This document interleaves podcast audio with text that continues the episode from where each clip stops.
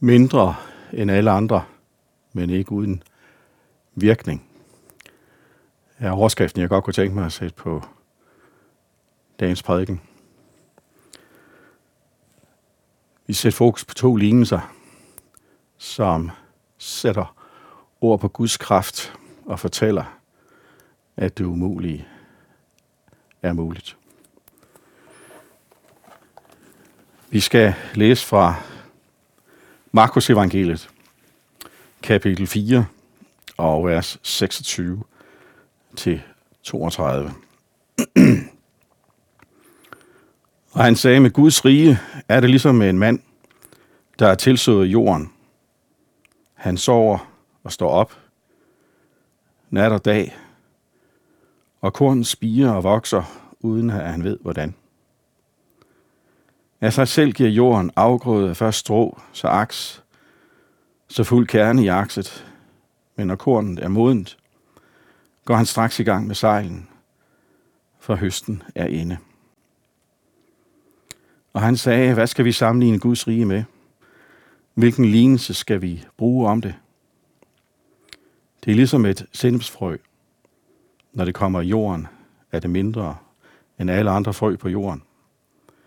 Men når det er sået, vokser det op og bliver større end alle andre planter og får store grene, så himlens fugle kan bygge rede i det skygge. Amen.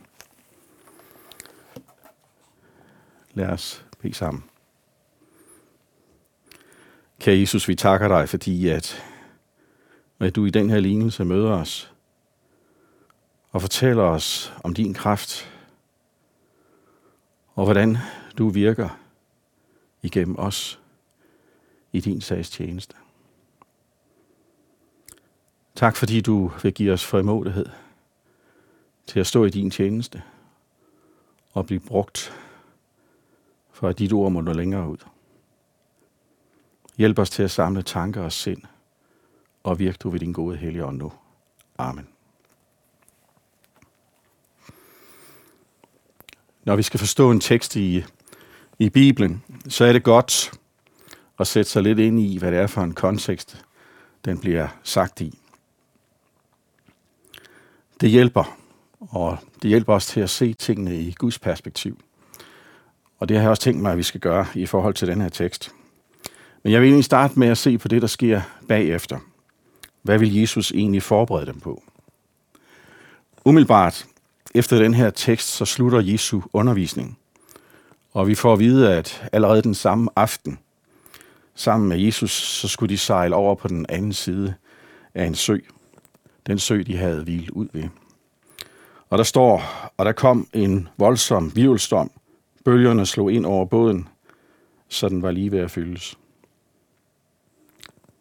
Situationen på søen var voldsom for disciplene. De kunne ikke overskue den. De troede, at de skulle miste livet. Det gik så vidt, at de endda mistede troen på, at Jesus havde interesse for dem. Også selvom de kunne se, at han var med. Alligevel så henvender de sig til Jesus og sætter ord på håbløsheden og magtesløsheden. Jesus svarer dem og giver dem lov til at opleve, at han stiller stormen igen.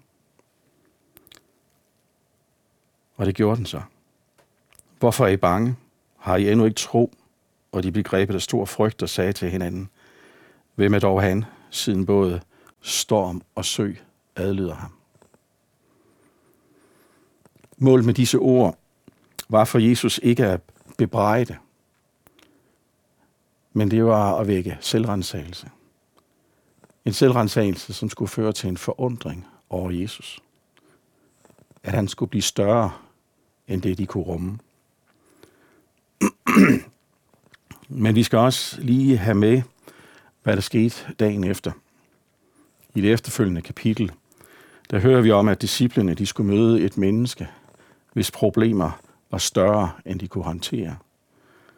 Når vi tænker på mission, og når vi tænker på næstekærlighed, så ligger der dybt i os, at vi frygter de mennesker, vi kommer til at møde.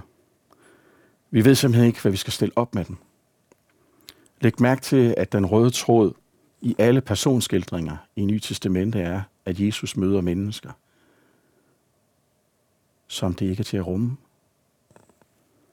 Ikke for mig som menneske, men det er dem, dem som vi er magtesløse overfor. Det var dem, Jesus han tog sig af. De oplever også modstanden fra mennesker i det, der sker her bagefter. Fordi der er tale om en mand, der er besat af en ond ånd, og som Jesus driver under, de onde ånder ud af, så de farver i nogle grise, som styrter i en sø. og det vækker modstand hos mennesker. Også dem, som kender ham. De forstår ham ikke. De kan ikke rumme det, der sker. Det kommer så vidt, at det menneske får besked af, af dem, der kender ham, til at forlade den egen, som han bor i. Og så sker der det, at Jesus, da han vil gå ombord på båden for at sejle tilbage igen, så beder manden helt naturligt om, at han må få lov til at komme med Jesus. Men Jesus, han afslår. Han sender ham tilbage for at fortælle sit folk om Jesus. Han siger, fortæl om alt det, Herren har gjort mod dig, og at han har forbarmet sig over dig. Så gik han hen og gav sig til at prædike i Decapolis om alt det, Jesus havde gjort mod ham. Og alle undrede sig, står der. Modstanden fra de mennesker, og hvad Jesus han har gjort over for den her mand, det skulle ikke stoppe evangeliet i dets udbredelse. For der var nogen, Jesus ville nå, og der var nogen, Jesus ville nå gennem den her mand. Så det, som den her tekst står midt i, er altså forud for situationer, som ser håbløse ud. Forud for situationer, som vi som disciple af Jesus ikke kan overskue. Forud for situationer, hvor vi vil møde modstand mod evangeliet. Men Jesus ønsker ikke, at det skal holde os tilbage. Vidsheden om, hvad der ligger forud. Det skal ikke tage frimodigheden fra os. Og vi skal se, at Jesus hører bøn. Jesus han viser, at det umulige, det er muligt for Jesus. Han vil styrke vores tro. Han vil vise sin storhed på en måde, som vi ikke kan rumme, og som vækker undren hos os. Vi skal få lov til at se mennesker, der bliver omvendt. Men vi skal også få lov til at se ham sende dem, der bliver omvendt til andre. Og hvor de så skaber forundring. Det er altså mega stort, hvad der venter os i fremtiden. Måske allerede i dag. Måske allerede i morgen. Det var så, hvad der lå der forude. Men hvad var selve situationen? I starten af kapitlet kan vi læse, at Jesus han gav sig igen til at undervise nede ved søen, og en meget stor skare flokkes om ham, så han måtte gå ombord og sætte sig i en båd ude på søen, mens hele skaren stod på bredden inde på land. Og han lærte dem meget i lignelser, og i sin undervisning sagde han til dem, og så kommer de forskellige ting. Jesus har i dag samlet os, der er samlet om den her tekst, lytter til den her prædiken, for at tage sig af os, for at undervise os, og for at give os ord til trøst i forhold til det, der ligger der forude. Der, hvor vi får brug for Jesus.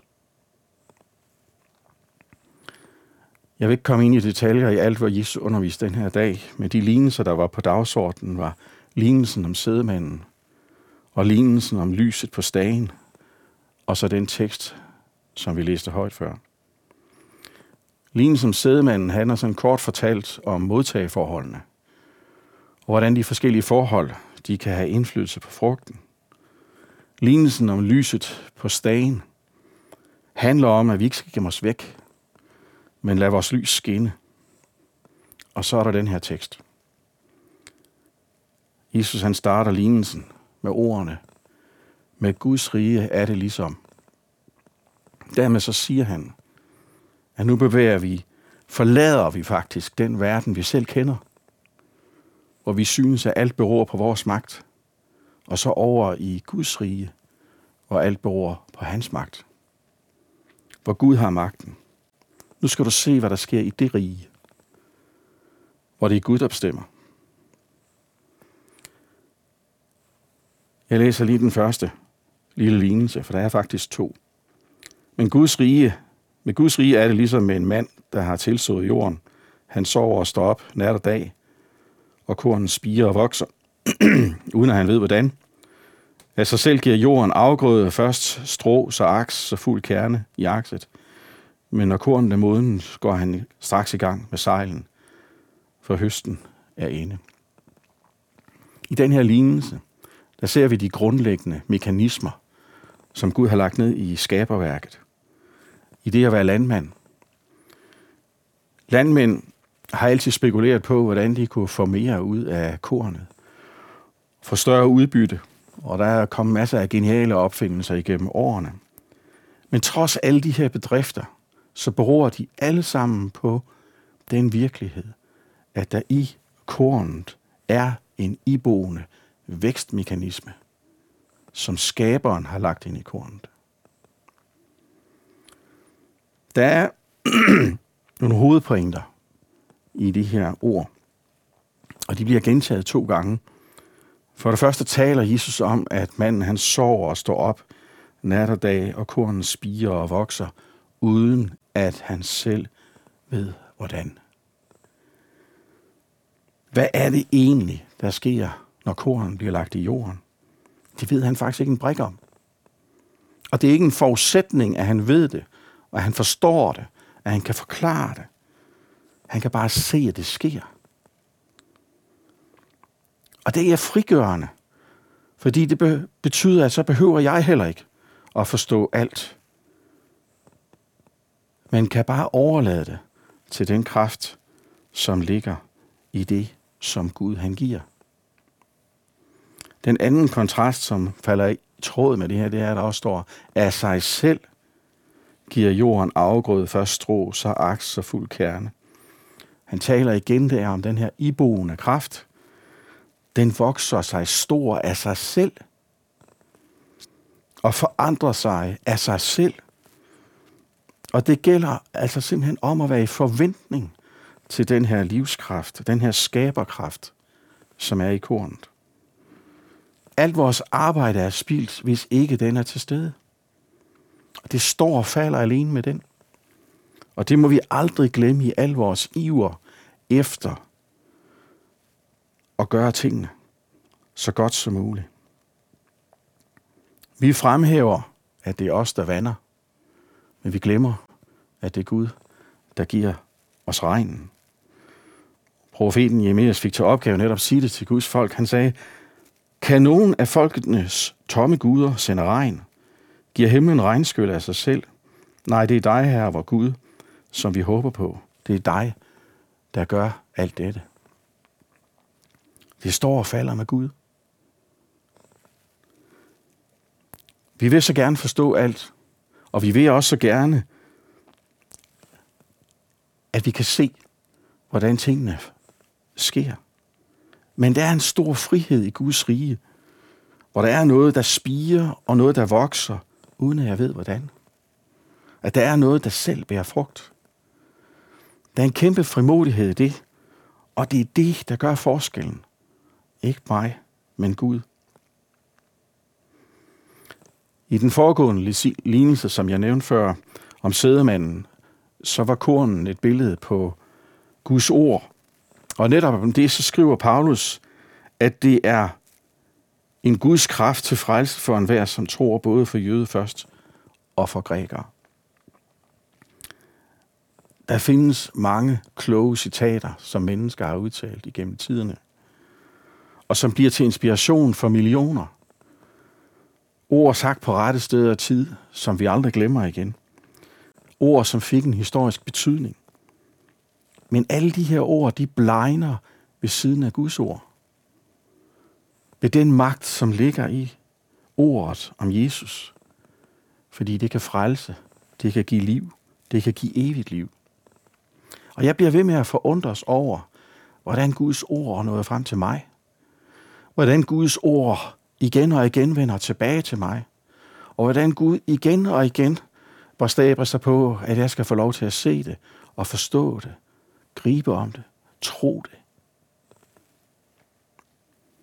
Guds ords magt møder vi også i skabelsesberetningerne, hvor vi gentagende gange hører, at Gud sagde, og så skete det. Gud sagde, og så skete det. Guds ord kan ud af ingenting skabe alting. Men Guds ord kan mere end det. I det gamle testamente hører vi ved profeten Ezekiel om en situation, hvor han ser et dødt folk blive levende. Han bliver ført ud i en dal, hvor der lå nogle indtørrede menneskeknogler i store mængder.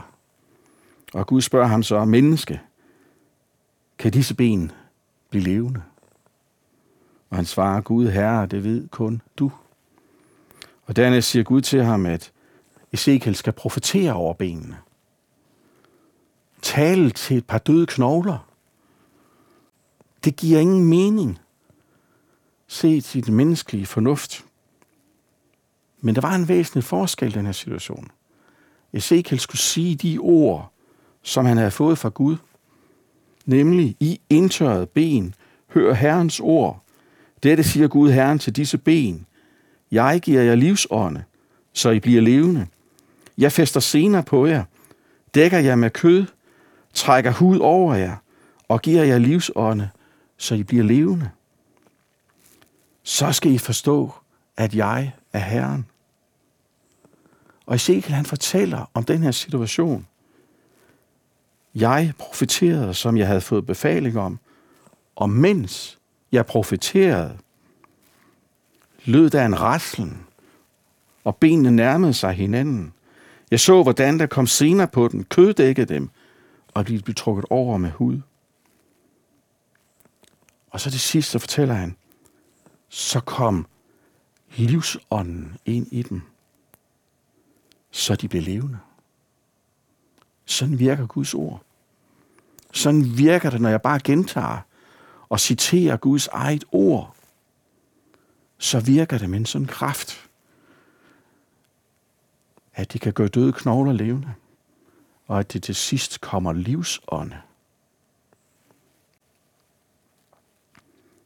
Så når vi står som vidner over for, hvad vi synes er stendøde mennesker, hårde hjerter, mennesker, som ikke vil høre, så skal vi vide, at Guds ord har den magt. Og vi kan få lov til at tale med vidsheden om, at sådan virker Guds ord også, når de kommer ud af vores mund. Det er en skaberkraft. Det er en kraft til frelse. Den anden lille lignelse, der er nævnt her, vil jeg også lige læse op. Og han sagde, hvad skal vi sammenligne Guds rige med? Hvilken lignelse kan vi bruge om det? Det er ligesom et tennisfrø. Når det kommer af jorden, er det mindre end alle andre frø på jorden. Men når det er sået, vokser det op og bliver større end alle andre planter og får store grene, så himlens fugle bliver reddet i det skygge. Ordene om kornet skulle minde os om den iboende kraft, Guds kraft. Men den her del af lignelsen, der skal vi nu se på omfanget af den frugt, som den her kraft skaber. Og for bedre at kunne forstå det, så bliver kornet udskiftet med et sennepsfrø. Og det er for at understrege, nu taler Gud om noget andet. For det første er et sennepsfrø meget mindre end et korn. Men selvom det, så er resultatet meget større end en aks med korn på. Det bliver til et stort træ, får vi at vide her. Et sted, hvor fuglene kan bygge rede. Altså et sted, hvor det er trygt at være. Et sted, hvor jeg kan finde hvile. Et sted, hvor familien kan samles. Et hjem. Lignelsen handler om, at vi skal tænke småt om, at det starter i det små. Bare en enkelt kristen. Eller en lille flok i Guds rige. Det kan vi stå med undren over. manglende tro på, at der ud af det kan komme noget stort. Men det kan der i Guds rige. Hvor to eller tre er forsamlet i mit navn, der er jeg midt i blandt. Ja, siger Jesus. Og det er ikke uden grund, at Jesus han afsluttede sin tjeneste uden at etablere en stor, magtfuld kirke, en stor, magtfuld koncern, velkonsolideret. Det var ikke det, der var målet. Nej, Jesus, hos Jesus, der startede det med nogle få disciple, som Gud gav kaldet til at bringe evangeliet videre. Først til jøderne, og så til resten af verden. Vi skal ikke først have følelsen af at være stærke, før vi går i gang. Vi går i gang, fordi Jesus er den stærkeste. Skal vi sætte en overskrift, hvad Jesus underviste om den dag i båden på søen, så var det mission. I dagens lignelse, der udfolder Jesus virkningen af missionsbefalingen. Det ser så småt ud, når vi går i gang. Men over tid, så bliver det til et kæmpe under. Det siger ikke nødvendigvis noget om, at alle menigheder skal blive store, men det handler om, at udbredelsen af evangeliet skal komme langt omkring. Den kommer til at betyde, at der er mange, der bliver nået. Og det betyder også, at evangeliet bliver forkyndt andre steder, end der, hvor vi begyndte. Igennem de sidste 100 år, fra omkring år 1900 til år 2000, der er antallet af kristne voksne fra cirka en halv milliard til 2 milliarder. Og så inden for de sidste 20 år, der er vi måske blevet cirka 0,2 milliard flere kristne. Så vi i dag er cirka 2,2 milliarder kristne på den her jord. Verdens befolkning er 7,6, sådan cirka, og det vil sige, at der er stadigvæk kommer 4 milliarder af unåede mennesker i verden. Selvom vi måske udgør 29 procent i forhold til den her statistik, så er der stadigvæk 70 procent, som ikke er kristen. Og noget andet interessant, det er, selvom at de kristne er den største trosretning, så er der kommet en helt anden ny kategori ind på tredjepladsen med cirka 14 procent af alle mennesker. Nemlig dem, som bekender, at de ingen religiøsitet har. Så vi nærmer os altså de sidste tider, hvor antallet af gudløse stiger. Men disse tal viser jo faktisk, at den her lignelse om sendefrøet, den er blevet opfyldt. Det er blevet spredt evangeliet, og der er milliarder af mennesker, som i dag kender til Jesus. Jesus har talt sandt for 2000 år siden. Og udgangspunktet for de kristne var langt værre end vores. Dengang var der måske kun der var der 99,99 procent unåede mennesker. Og så glemmer vi i den her statistik helt alle de, der er hensovet i troen på Kristus siden. Derfor så skal vi ikke miste frimodigheden i vores missionsiver og vores missionsindsats. Også selvom vi står over for et flertal, der vælger Gud fra. Og heller ikke, når vi bare må starte i det små sennepskorn virker, fordi den er drevet af Guds kraft, ikke af vores egen. Udfordringen i dag er anderledes, end de var for 50 år siden i Danmark.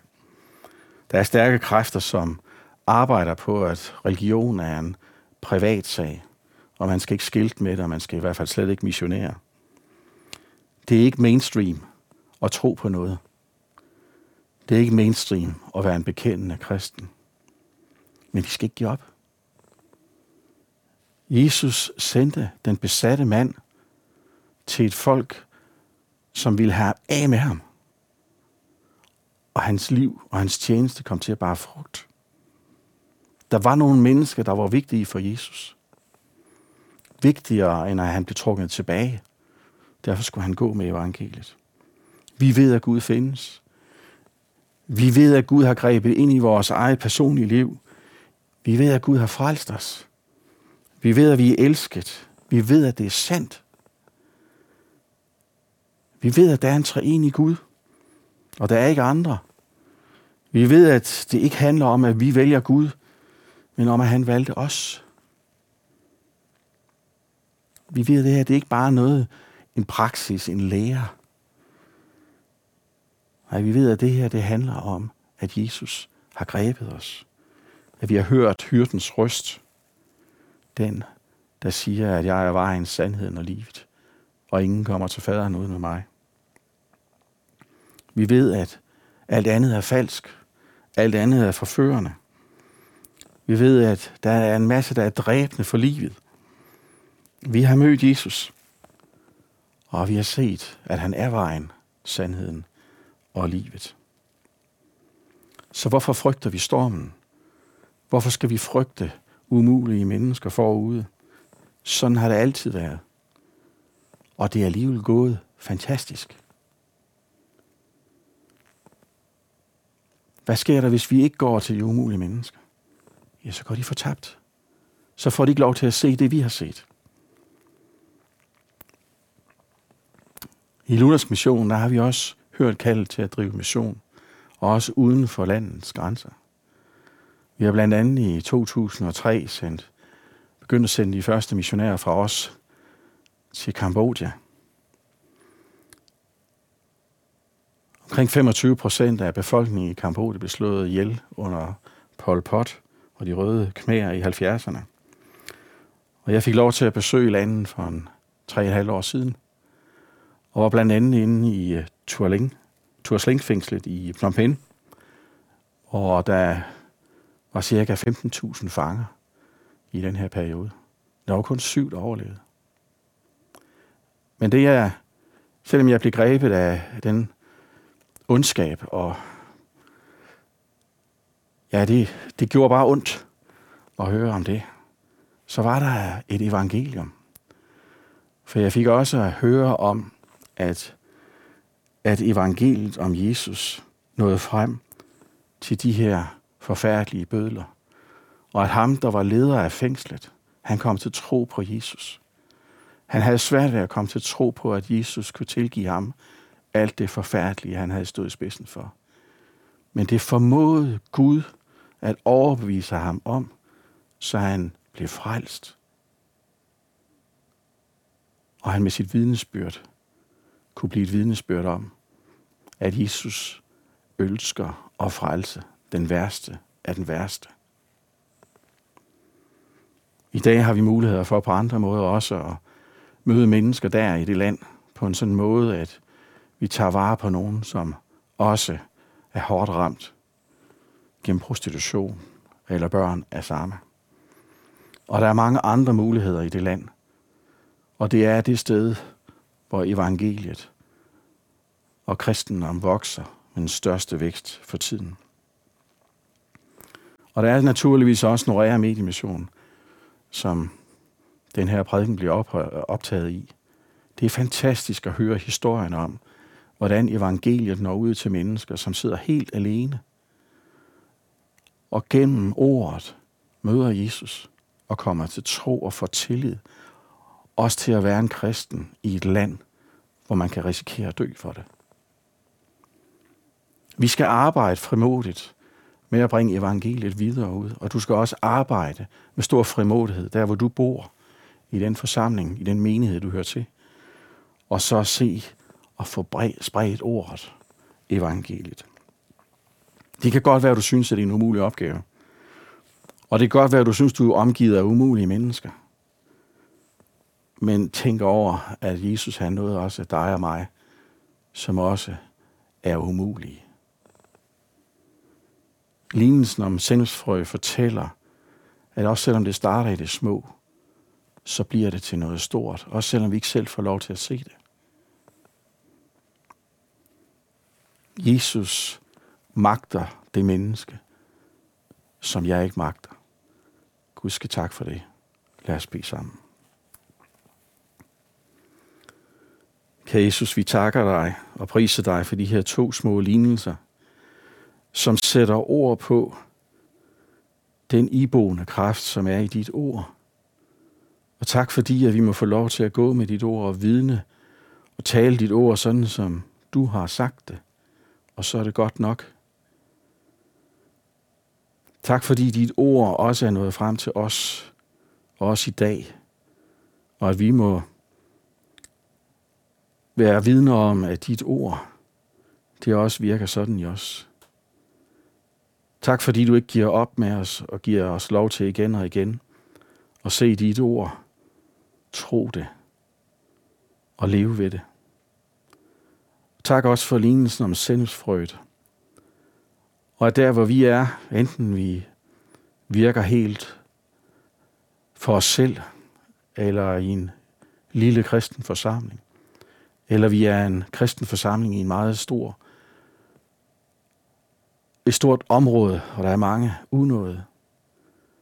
Tak fordi, at det har værdi, at vi er der, og at vi gør det arbejde, vi står i, og at det også bærer frugt, at vi som menighed er sammen om dit ord, og at vi som menighed sammen driver mission. Vi takker dig, fordi at, at du har givet os mulighed for i LM også at sende missionærer ud til forskellige lande rundt omkring i verden. Og vi beder om, at de kald til at rejse ud stadig må lyde, og at nogen må tage imod det, og at vi må være villige til at sende og bære dem igennem tjenesten, både gennem forbøn og økonomi. Tak også for Norea Mediemission og de muligheder, der er i det, for at nå ind bag lukkede døre med evangeliet. Tak fordi, at vi får lov til at høre om, hvordan din, din iboende kraft i ordet ikke vender tomt tilbage. Tak, at vi må anbefale os i dine almægtige hænder og stille os til rådighed, også ind i din tjeneste, sådan som vi er. Tak, at du kan bruge os. I Jesu navn. Amen.